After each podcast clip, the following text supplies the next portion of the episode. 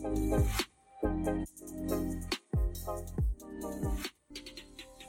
teman-teman, balik lagi di podcast Global Yogurt. Sekarang ini udah episode ketiga.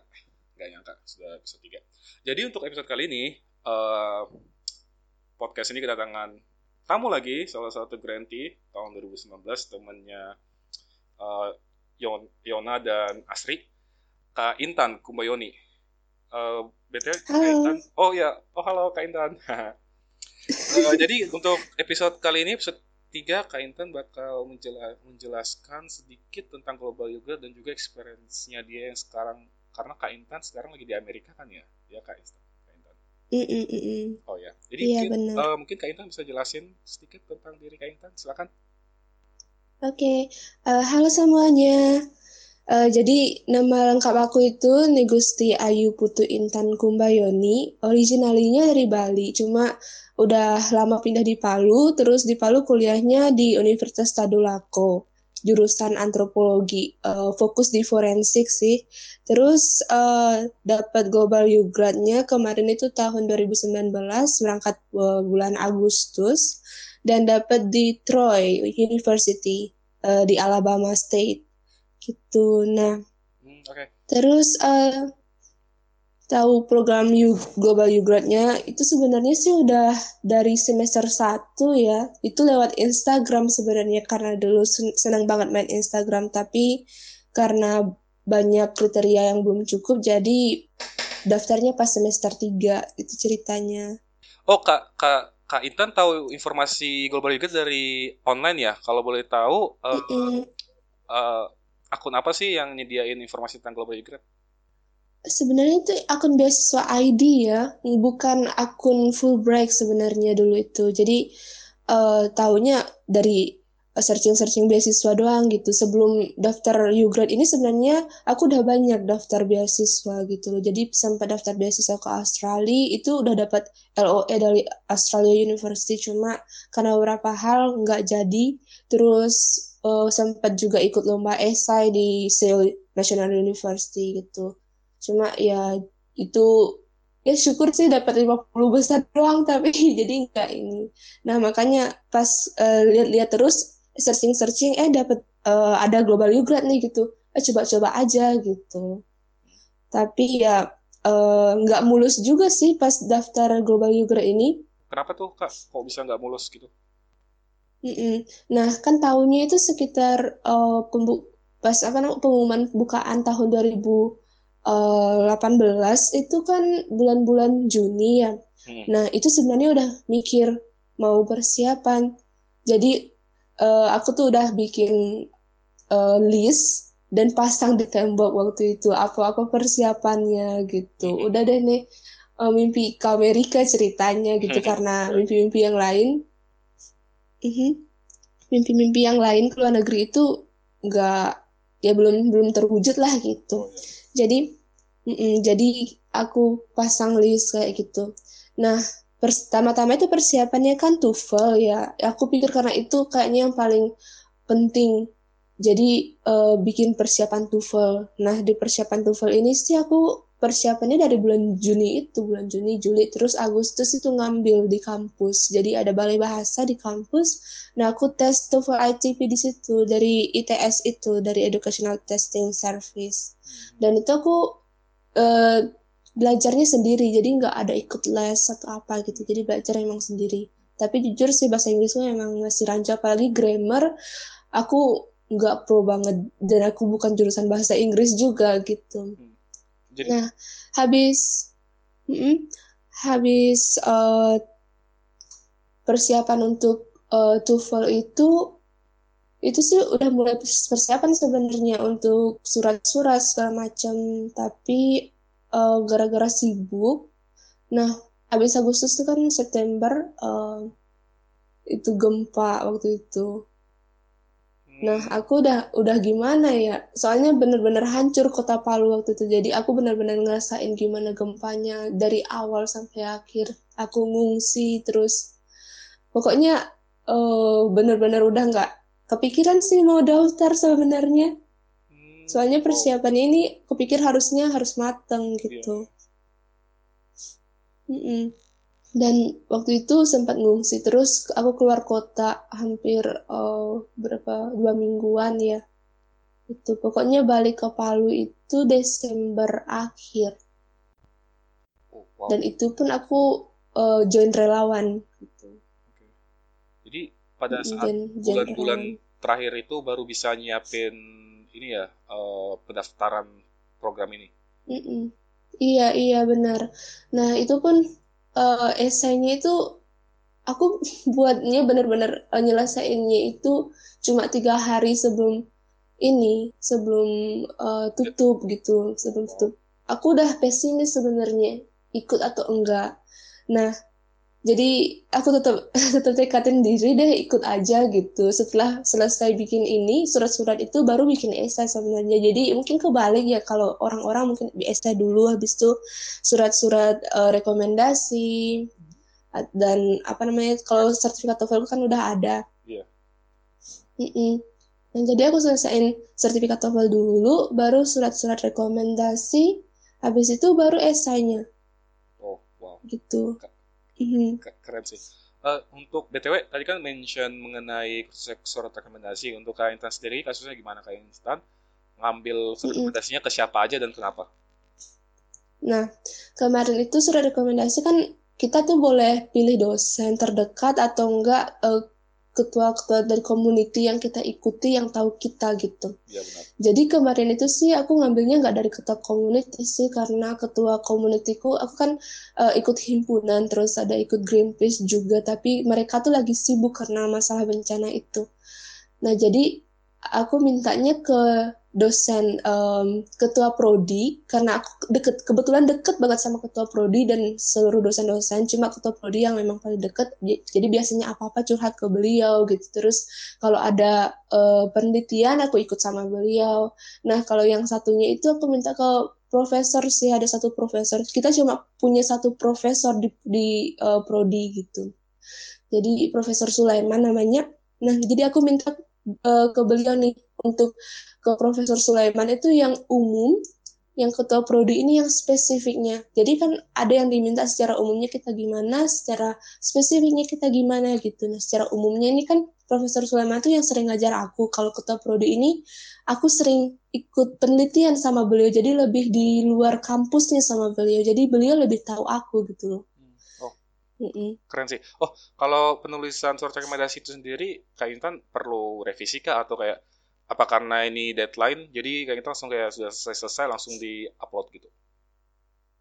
Nah, kalau untuk surat rekomendasinya ini aku punya lebih banyak waktu sebenarnya. Di- Jadi sebelum eh, apa namanya pas aku minta surat rekomendasi itu kita sempat revisi ke salah satu eh, dosen yang pernah kuliah juga di Belanda. Mm-mm. Jadi jadi beliau yang revisiin. Cuma itu sih yang sempat direvisi. Sebenarnya harusnya sih eh saya yang direvisi ya. Iya Tapi sih. iya surat rekomendasi yang direvisi sih. Eh saya nggak direvisi. Hmm, Bener. Oh ya. Oh berarti oke jadi itu surat rekomendasi. Sekarang kita ganti ke ini deh ke esai yang tadi Kak Intan sudah ceritain. Kan Iya. ada dua esai tuh. Kak Intan eh, jawab esai pertama itu seperti apa dan untuk esai keduanya itu seperti apa? Mm-mm. Nah, ada dua esai waktu itu. Jadi, esai yang pertama itu sebenarnya mengenai diri kita, terus esai yang kedua itu ada dua quotes. Cuma aku lupa quotes-nya itu apa, tapi aku ngambil masalah kalau kita jadi pemimpin itu kita harus bagaimana un- kepada orang gitu. Bagaimana untuk menarik orang juga bisa memimpin seperti kita. Nggak salah sih seperti itu kemarin. Hmm. Nah, untuk esai pertama itu, itu intinya tentang diri kita, kenapa kita eh, the best partisipan untuk ini gitu. Kenapa kita layak untuk jadi uh, grantee untuk Global Ugrad gitu. Nah, waktu itu sih uh, aku bukanya itu buka esainya ya agak unik-unik ya. Uh, aku bilang aku tuh kayak semut loh gitu. Soalnya aku pekerja keras gitu. Pokoknya kalau bisa sih pembukaan esai itu agak unik-unik. Biasanya kalau unik itu itu yang lebih menarik perhatian untuk Oke. membaca. Oh ya. Mm-mm. Wow.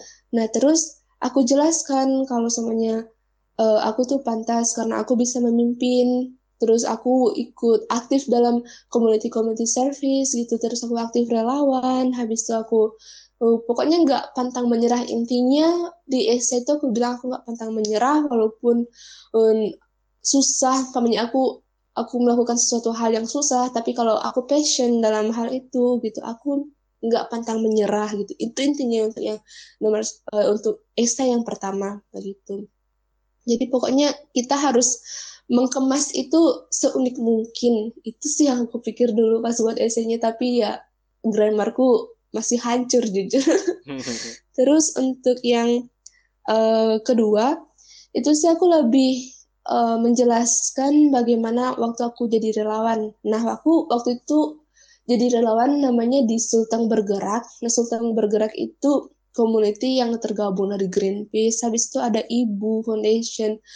Um, pokoknya banyak sih uh, ini organisasi organisasi-organisasi yang terrangkum uh, dalam satu payung itu satu payung Sulteng bergerak. Nah, aku di bagian Greenpeace-nya. Jadi waktu itu karena universitasku juga hancur gara-gara berdampak dari gempa itu makanya dosen-dosenku ngirim mahasiswa-mahasiswanya kerja relawan aja gitu. Jadi kita sistemnya kuliah online. Nah, waktu itu di Sultan Bergerak aku ketuanya. Jadi ada 40 orang di balik aku. Jadi aku uh, apa mengketuai sekitar 40 orang. Nah, 40 orang ini aku bagi di divisi-divisi di dalamnya. Kalau aku sendiri itu aku masuk ke Greenpeace jadi bantu-bantu orang uh, ke desa-desa gitu bantu bangun solar panel. Nah itu aku sih kemarin um, mencakup lima desa ya, ya lima desa yang aku tangani gitu. Jadi di lima desa ini aku bantu buat solar panelnya gitu. Ya jelas sih bukan aku yang yang naik-naik, cuma aku yang data ya. gitu. Hmm, Jadi kerja, kerja sama. Uh, ya mm, kerja sama lah sama mereka karena aku juga cewek jadi mungkin mereka rasanya ah cewek nggak pantas kalau kerja berat begini jadi aku dikasih bagian penanganan data dan aku uh, yang uh, apa namanya tentuin titik-titik poinnya di mana kita mau bangun itu kemarin oh, iya. dan itu sih relawan aku sekitar oh, hampir lima bulan lima bulan enam bulanan dah hmm. oh wow kemarin luar biasa banget mm -hmm. sih Kak Intan ceritanya. Oh ya, itu tadi sudah esai ya. Tadi kan Kak Intan sudah juga mention Kak Intan nih uh, ngambil TOEFL tapi Kak Intan enggak nggak terlalu apa ya maksudnya istilahnya nggak bener-bener harus les-les gitu-gitu tapi Kak Intan punya uh, tips sendiri nggak maksudnya da dalam hal experience Kak Intan itu sendiri saat menghadapi mm -hmm. atau saat mau kita mau mengambil uh, tes TOEFL. Nah, kemarin itu sih aku langsung intensif belajar bahasa Inggris ya waktu mau ngambil TOEFL. Tapi untuk kiat-kiat TOEFL sendiri aku ada beberapa um, beberapa resource nih yang perlu uh, yang menurut aku tuh membantu banget begitu. Nah, yang pertama itu dari YouTube. Aku senang banget nonton Lingua Marina namanya. Mm-hmm. Jadi dia ini uh, orang Rusia gitu, tapi dia udah di Amerika lama dan dia mengajar bahasa Inggris. Itu channelnya bagus sih menurut aku dan motivasi bermo dia memberi kita motivasi begitu. Terus uh, dosenku yang dari Belanda itu dia ngasih aku buku Princeton. Hmm. Jadi itu kayak cracking the TOEFL hmm. dari uh, buku Princeton itu dan aku sendiri punya Barron's TOEFL gitu. Nah itu dua buku yang membantu aku terus uh, dari internet dari YouTube itu lingua marina itu. Tapi kalau kita bisa download uh, aplikasi TOEFL dari ITS itu juga membantu. Oh, iya. Soalnya kita harus mm, harus banyak ini sih latihan banyak ya. tes banyak ya banyak melihat soal-soal tes-tes tahun lalu namanya tahun-tahun sebelumnya gitu hmm. oh, wow. itu aja sih dan pokoknya optimis optimis aja. Walaupun kamu bukan jurusan bahasa Inggris itu nggak penting gitu loh. Soalnya itu bukan melihat kamu jurusan bahasa Inggris atau apanya. Tapi pokoknya bertekadlah ini belajar. Itu sih intinya. Oh iya. Eh, keren banget sih kak Intan. Uh, luar biasa banget experience-nya. Oh ya kan mm -hmm. uh, setelah tahapan tadi administratif tadi dan segala macamnya itu itu kan habis tahap itu adalah tahap wawancara. Kak Intan sendiri berarti di email dan uh, wawancara di Jakarta. Nah, itu kayak kayak iya. ngadapinnya gimana? Uh, apakah ap, apakah latihan intensif atau Intan hanya oke okay, uh, besok ke Jakarta ya udah gitu aja tuh seperti apa? Nah sebenarnya sih gara-gara uh, persiapannya nggak matang dan juga daftarnya itu empat menit sebelum tutup waktu Desember itu sebenarnya udah nggak kepikiran kalau semuanya mau lulus gitu tapi bulan Februari ada email tiba-tiba disuruhnya ke Jakarta gitu. Wah udah percaya nggak percaya nih? Gitu ceritanya nam. Percaya nggak percaya diundang ke Jakarta. Terus uh, aku email tuh si Kak Nabila namanya. Nah dia bilang uh, kalau ke Jakarta itu uh, pesawatnya ditanggung. Terus aku pikir nih wawancara gitu. Pasti wawancaranya bahasa Inggris hmm. gitu. Jadi harus persiapan kayaknya. Nah aku nonton nonton YouTube doang itu waktu itu. Jadi uh, kiat-kiat wawancara gimana gitu. Terus pokoknya uh, try to use English gitu. Jadi gimana kalau semuanya aku harus bicara bahasa Inggris nih gitu. Jadi harus berusaha bicara bahasa Inggris. Jadi ikut-ikutin gimana orang di YouTube gitu. Jadi YouTube itu sebenarnya membantu banget sih. Hmm. Pokoknya searching-searching lah di YouTube. Itulah pokoknya uh, terutama lingua marina itu sih. oh, iya, iya. Well, wow. But, itu tips yang bagus sih kak buat kami jadi uh, jadi mm-hmm. benar-benar keep in mind. Um, Oke, okay, jadi saat it, itu dan saat sudah wawancara berarti kak uh, di, diumumkan bahwasanya Kak Inta salah satu uh, salah satu dari lima finalis finalis tersebut. Uh, setelah tahapan itu kan penempatan placement tadi yang kakak bilang tadi kakak kan ditempatin di university Troy University Troy University ya yeah. um, mm-hmm. prepare kan ini uh, ini kita kan kakak kayak Intan kan lama di Indonesia apa sih persiapan kak Intan mempersiapin diri untuk ke bukan ini bukan keluar kota kan ya ini keluar negeri gitu mm-hmm. nah sebenarnya ini lebih uh, ke kalian sih ya yang mau kemari sebenarnya waktu persiapan ke sini itu aku persiapannya nggak matang dan itu benar-benar nyesel gitu. jadi uh, persiapan kalau sebenarnya kalian udah jadi finalis harus searching banyak ya tentang daerahnya ini. Dulu aku kiranya daerah di sini itu ada saljunya jadi bawanya baju yang tebal-tebal gitu. Padahal di sini nggak ada salju. Oh. Dan sedikit bawa baju yang tipis gitu. Jadi pokoknya persiapannya itu harus searching. Nah sebelum itu juga kalian harus tahu kalau semuanya mau keluar negeri, terutama Amerika harus punya gembok CSA. Nah uh, setelah itu kalian harus persiapkan dan untuk um, kalau mau charger itu loh, jadi kalau mau ngecas atau apa itu kan beda tuh iya, ininya yeah, adaptornya. Uh, adapternya. Nah, jadi itu harus beli adaptor dulu gitu. Terus untuk masalah uh, elektronik, jadi dibersihin dulu program-program yang aplikasi-aplikasi uh, yang palsu dari laptop kayak gitu. Itu juga harus persiapannya matang karena kalau enggak kita bisa kena masalah di bandara karena mereka kan punya scanner tuh. Hmm. Nah, itu terus uh, kesehatan itu juga penting. Pokoknya searching dulu sih intinya jangan uh, jadinya jangan bawa barang-barang yang eh ternyata nggak dipakai di sini gitu loh. Iya iya. Mm -mm. Jadi itu sih nanti ngeberat ngeber, apa ngeberatin dan rugi bawanya. Iya, iya. Sama kayak aku sih sebenarnya kemarin itu kiranya di sini ada salju, padahal nggak ada salju gitu. Harusnya itu searching dulu dan bawa bawanya bawa baju tebel-tebel ya nggak dipakai gitu. Betul. itu itu uh, itu bagus banget sih kak tipsnya. um, mm, jadi gitu. uh, lanjutin tadi sih. Uh, ini sih lebih ke experience-nya. Kan kak Intan sendiri uh, uh, sekolahnya di Indonesia sekarang sudah mm -hmm. diberi kesempatan untuk sekolah di di universitas di luar negeri. Uh, experience yang mungkin bisa kakak share uh, istilahnya hal-hal yang mungkin berbeda atau hal-hal yang luar biasa yang kakak temui di universitas kakak sekarang tempat ini Mm-mm. Nah, kalau experience sih jelas banyak ya dan beda. Kalau di Indonesia sih kebanyakan kita kan nggak asrama. Nah, hmm. kalau di sini kita asrama dan mahasiswa-mahasiswa lokal pun asrama di sini.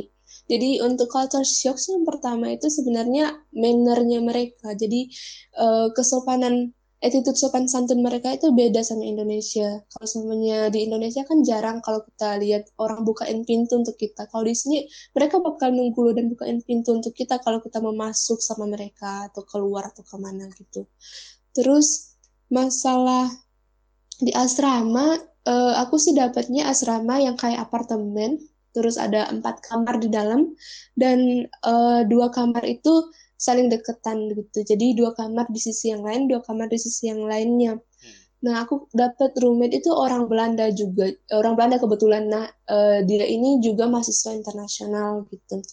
Dan asiknya itu ternyata dia tahu tentang Indonesia dan dia uh, apa namanya neneknya itu orang Maluku gitu. Jadi dia pernah ke Maluku dan dia tahu sedikit bahasa Indonesia. Itu sih amazed banget dan kita bisa banyak ketemu orang juga orang orang-orang internasional lah. Soalnya Amerika ini itu kan dia gabungan dan kalau menurutku ya jadi dia gabungan banyak etnis sebenarnya. Jadi kita bisa ketemu orang Asia orang Eropa terus of course orang Amerika gitu. Cuma bed, agak beda sih kalau samanya orang Amerika sama orang Indonesia nggak semua orang Amerika itu ramah gitu. Kalau orang mungkin sama kali ya orang Indonesia juga kayak gitu. Nggak semua orang Indonesia itu ramah. Jadi hmm. ada beberapa orang Amerika yang benar-benar ramah, ada orang Amerika yang nggak ramah gitu. Jadi kayak roommate roommateku. Jadi dua orang Amerika, satu orang uh, Belanda gitu. Hmm. Nah yang satu orang Amerika itu kalau sebenarnya kita say hi dia ya nggak mau say hi tapi yang satunya wah kalau kita ketemu wah dia ramah banget itu jadi jangan pasang perspektif kalau semuanya orang Amerika itu selalu ramah. Enggak gitu. Oh. dan jangan mm, jangan pasang perspektif kalau apa-apa di Amerika itu bagus itu belum tentu gitu. Mm-hmm. cuma enak banget sih dormnya di sini. Dan juga kalau masalah laundry atau apa itu uh, itu enak sih. Tapi kita kita bayar satu kali laundry itu dua dolar eh, lima puluh sen. Mm. jadi kalau mm. untuk kayak ke Intan sendiri tipsnya gimana? Uh, ngumpulin dulu sampai banyak gitu baru laundry. Iya, lebih baik kayak gitu, uh, ngumpulin sampai banyak dulu bajunya, jadi kan nggak rugi gitu loh. Jadi jujur ya, aku biasanya dua minggu sekali baru nyuci. Hmm, kayak gitu. Terus uh, culture shock yang pertama itu pasti makanan. Oh ya. Itu pasti deh. Pokoknya bakal rindu makanan Indonesia. Jadi kalau bisa ya bawa Indomie gitu. Jadi uh, aku kemarin bawa Indomie sih banyak. Dan itu dimakannya uh, sampai empat bulanan ya. Soalnya kan nggak terus makan Indomie juga. Yeah. jadi kita makan di dining hall gitu. Nah kadang dining hallnya makanannya enak kadang enggak sesuai lidah kita. Jadi nggak tahu lah kalau sebenarnya lidah orang Amerika. Tapi kalau lidah Indonesia ya kalau aku sih ya boleh lah gitu. Cuma ya awal-awal itu nggak terbiasa. Soalnya kita kan harus makan nasi. Sementara orang di sini jarang ada nasinya dan kalaupun ada nasi itu aneh nasinya menurutku. oh ya. Oh, wow.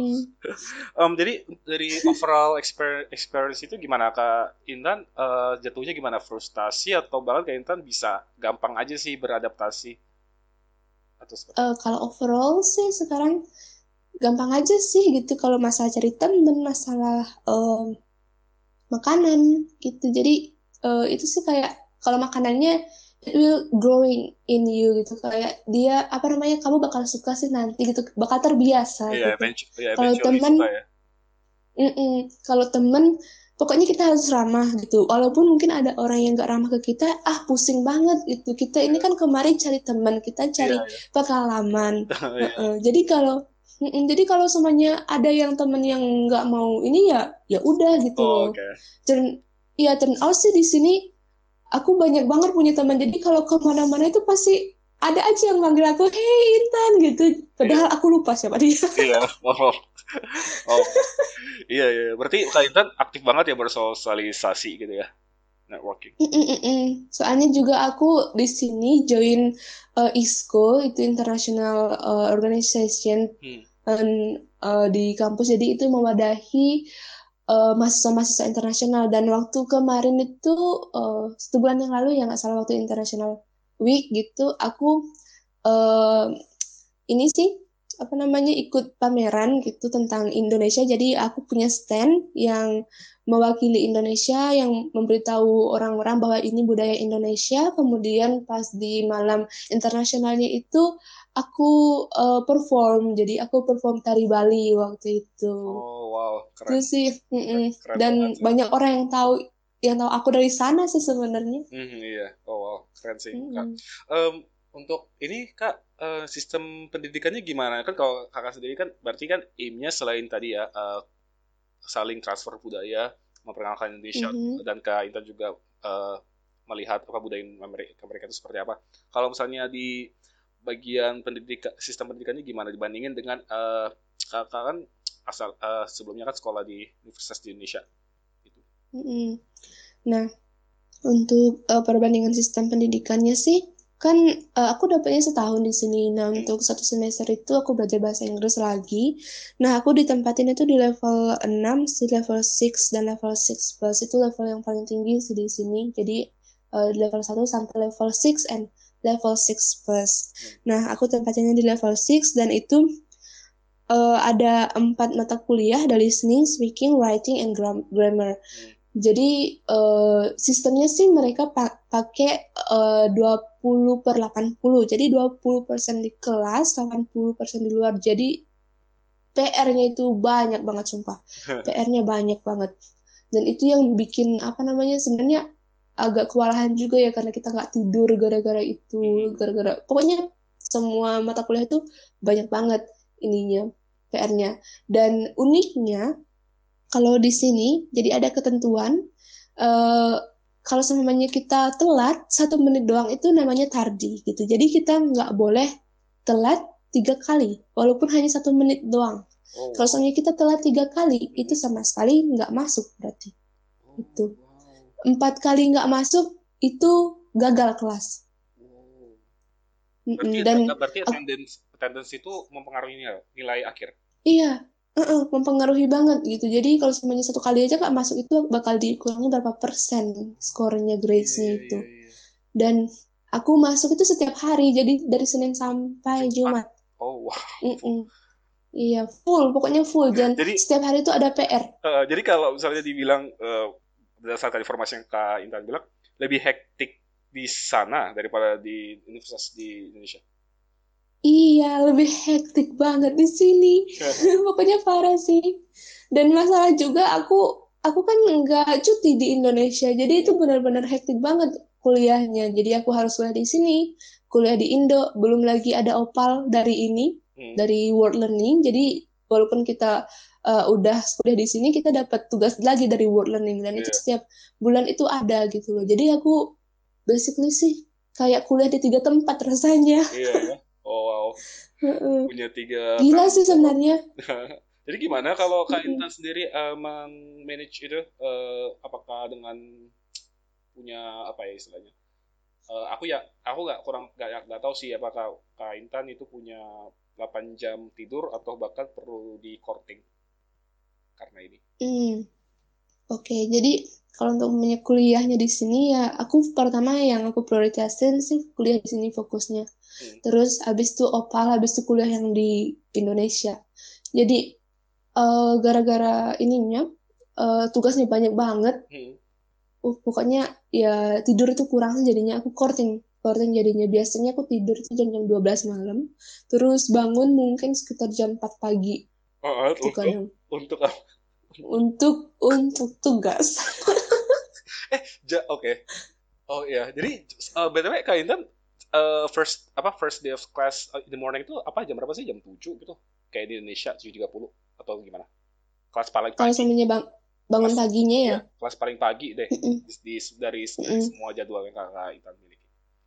Kalau semuanya di Indonesia sih biasanya jam setengah lima itu udah bangun, soalnya uh, jam 6 itu harus berangkat. Tapi gara uh, waktu ini kan liburan tuh. Hmm. nah liburan tuh udah males dah bangun sepagi itu. Paling nggak paling nggak biasanya bangun jam 6 atau enggak kalau semuanya aku lambat tidur jam satu gitu tidurnya jam 7 lah baru bangun. Tapi kalau kayak kemarin ceritanya e, ngempusnya itu biasanya tidurnya jam 12 jam 4 itu udah udah bangun. Kalau banyak banget PR-nya tapi kalau nggak banyak PR-nya biasanya jam 6 jam 7 itu udah bang baru bangun sih biasanya. Oh mm -mm. gitu dan iya dan untuk ngerjain tugas dari Indonya itu biasanya ambilnya di uh, akhir di weekend di weekend ngambilnya. Nah terus untuk opal kalau untuk opal sih juga di weekend ngambilnya Mm-mm. Oh, Jadi wow. prioritasin yang di sini dulu karena kalau uh, apa namanya nggak diprioritasin kan ini PR-nya dikasih hari ini yeah. kumpulnya tuh besok yeah. gitu iya. ceritanya jadi kalau nggak aku kerja ya nggak ada ini nggak ada nilai dan setiap PR itu diambil nilainya sama dosennya dan itu mempengaruhi nilai akhir gitu iya uh, mempengaruhi banget karena itu kayak daily score lah gitu uh. Mm -mm. Kalau komposisi Wah komposisi nilai di salah satu mata kuliah bisa contohnya gini, berapa persen berapa persen sih masing-masing untuk UTS, UAS dan nilai hariannya? Nah, uh, kemarin itu sih uh, untuk PR itu 15 persen, terus untuk hari-hari itu sekitar 20 persen ya, itu udah 35 persen.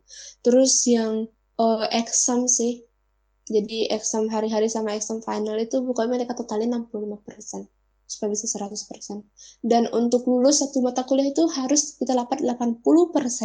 Kalau seumpamanya kita dapatnya 79,999, itu tetap nggak lulus. Hmm, ya, ya, ya. Oh, mm -mm. Gitu. Nah, kemarin itu setelah aku lulus uh, level 6 itu dapat uh, level 6 plus itu cuma diubah mata kuliahnya jadi ada oral communication. Nah, di oral communication itu kemarin kita belajar slang words karena hmm. Amerika banyak slangnya. Terus aku dapat critical analysis itu lebih banyak ke berpikir-pikir kritis dan writing. Hmm. Dan itu sih sama sih sistemnya. Cuma bedanya di level 6 sama level 6 plus, level 6 plus itu lebih ringan karena aku kuliahnya itu cuma dari uh, Senin, Rabu, sama Jumat. Oh iya, agak agak mm. ya, agak luasa dibandingkan tadi kayak harus full day gitu Senin sampai Jumat. Iya, lebih leluasa sih yang six plusnya. Oh wow, mm. keren banget sih Kak Intan. Tapi uh, sadly uh, waktu waktu yang dipakai sudah cukup banyak tapi thank you banget uh, again kepada Kak Intan sudah mau menyempatin waktunya buat sharing dari awal pendaftaran yang benar-benar ya boleh kita bilang dalam tanda kutip dead, deadliner hingga tadi -hmm. sharing tentang apa experience Kak Intan di Amerika. Uh, mungkin itu aja tapi mungkin untuk uh, terakhir akhiran Kak Intan punya pesan-pesan enggak buat kami si apa pendaftar global ini? Mm -hmm kalau pesan-pesan sih pokoknya optimis, kalau kalian bertekad pasti bisa.